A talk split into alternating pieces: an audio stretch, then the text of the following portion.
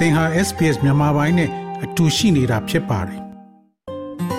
SBS မြန်မာပိုင်းကို အင်ကာနဲ့စနေနေ့ည10:00နာရီမှနားဆင်နိုင်တယ်လို့အွန်လိုင်းကနေလည်းအချိန်မီနားဆင်နိုင်ပါပြီ။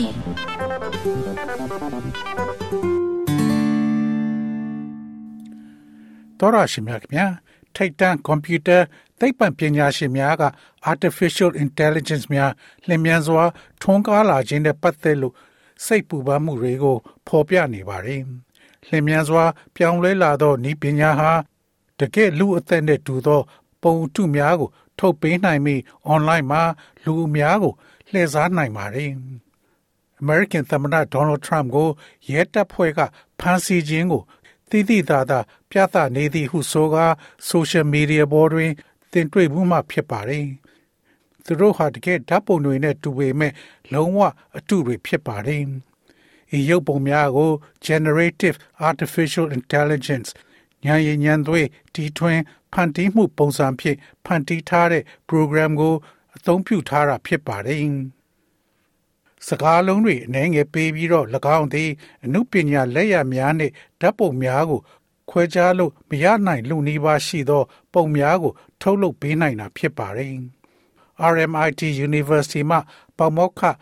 ဒီဆာကရှင်းပြထားတဲ့အတိုင်း program သည်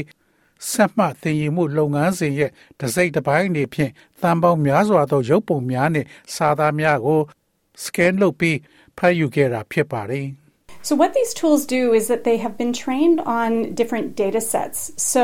they kind of start to mimic or mirror what a human might say,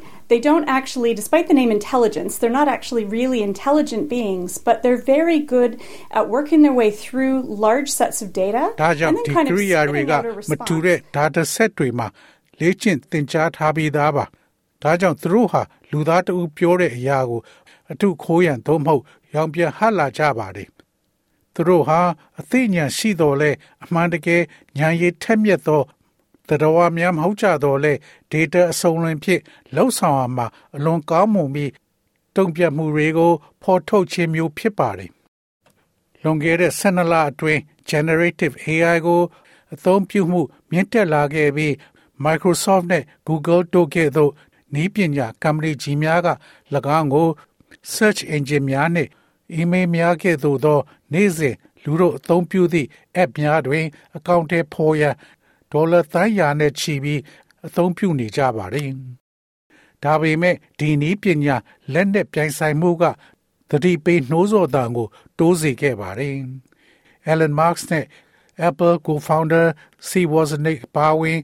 AI ကျွမ်းကျင်သူပညာရှင်တစ်ထောင်သည် artificial intelligence ဖွံ့ဖြိုးတိုးတက်မှုအတွက်6လကြာလောက်ထိချက်ချင်းရပ်ထားရန်တောင်းဆိုတဲ့အိတ်ဖွင့်ပေးစာတစ်စောင်ကိုလက်မှတ်ရေးထိုးခဲ့ပါတယ်။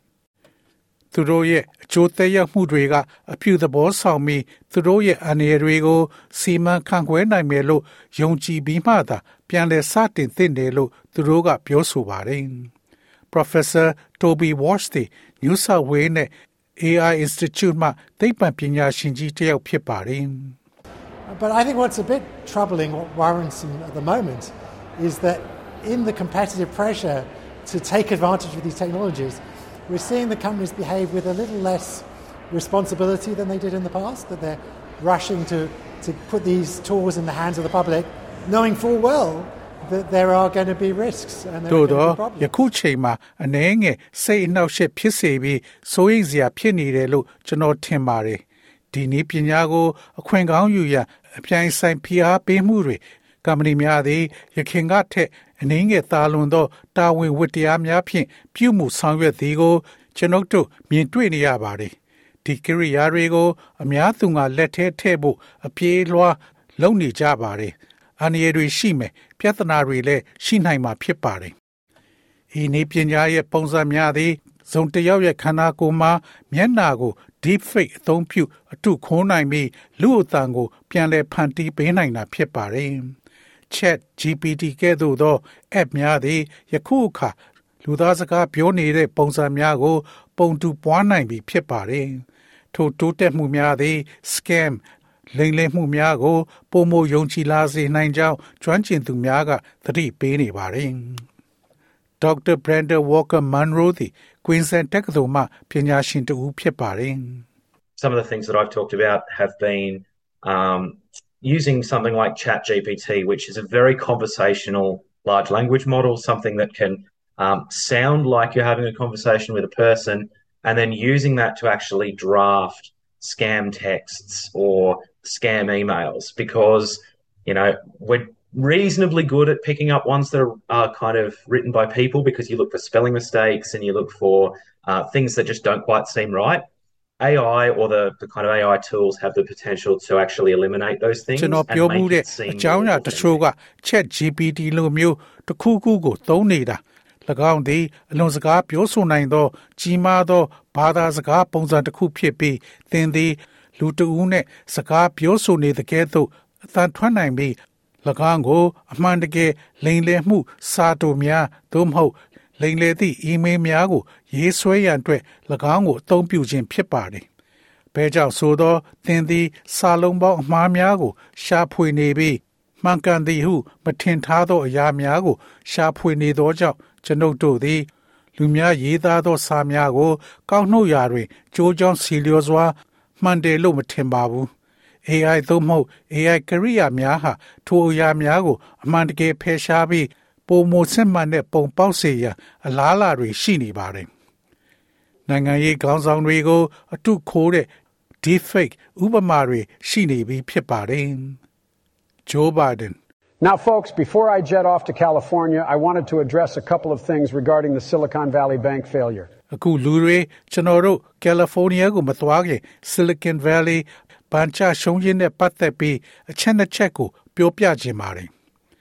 အသက်တကယ်ပါရာနဲ့ဒူတယ်လို့ထင်ရတဲ့ American သမ္မတဂျိုးဘိုင်ဒန်ရဲ့ဒီ deepfake ကဲ့သို့ပင်မဟုတ်မမှန်လောက်ချံဖန်တီးထားခြင်းဖြစ်ပါတယ်။ပမောက္ခ Given ကနှစ်နည်းငယ်အတွင်း artificial intelligence ထုတ်လုပ်သည့်အကြောင်းအရာသည်အစစ်အမှန်ရုပ်ပုံများနဲ့အသံများမှခွဲခြား၍မရဟုထင်မြင်နိုင်တယ်လို့ဆိုပါတယ်။ What these new systems allow to happen is that the imagery will be much more seamless. It will really look or, or be difficult to tell from a live video feed, but also things like uh, voice print technologies, the ways we can now replicate people's voices, all of those have a great deal of potential for manipulation. ဒီနည်းစနစ်တွေကဘာတွေဖြစ်ပေါ်လာစေနိုင်လဲပုံရိပ်များသည်ပုံမချောမွေ့စေမည်ဖြစ်ပြီး၎င်းသည်ဓာတ်ရိုက်ဗီဒီယိုဖိုင်တစ်ခုနှင့်ခွဲခြားပြောပြရန်ခက်ခဲပါလိမ့်မယ် ။ voice print နီးပညာတွေလိုမျိုးလူတွေရဲ့အသံတွေကို အခုပဲပုံတူကူးနိုင်တဲ့နီလန်းတွေပါဒါတွေအားလုံးဟာအများသူငါကိုခြေလေဖို့အလားလာအများကြီးရှိနေပါတယ်ဒါပေမဲ့ AI ကဘယ်မှာဥဆောင်နိုင်မလဲဆိုတဲ့ခိုင်လုံတဲ့စိုးရိမ်မှုတွေရှိပေမဲ့ deepfakes တွေကတော့ပကတိမပြည့်စုံသေးပါဘူး။သ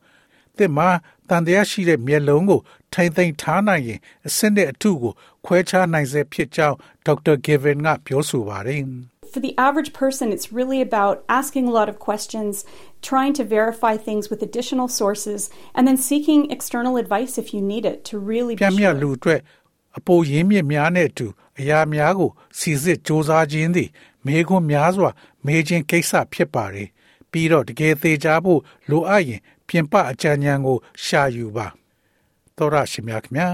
SPS သတင်းဌာနက Navin Razik ရဲ့ဆောင်းပါးကိုဘာသာပြန်တင်ဆက်ပေးထားတာဖြစ်ပါတယ်ခင်ဗျာ sbs.com.au/bemis ကို home နေရာမှာထားပြီးတော့အမြဲတမ်းနှာစင်နိုင်ပါတယ်။နောက်ဆုံးရသတင်းတွေ၊စောင်းမားတွေနဲ့စစ်တမ်းတွေမှာပါဝင်ပြီးတော့ဆက်သွယ်မှုလုပ်နိုင်ပါတယ်။ sbs.com.au/bemis ဖြစ်ပါတယ်ရှင်။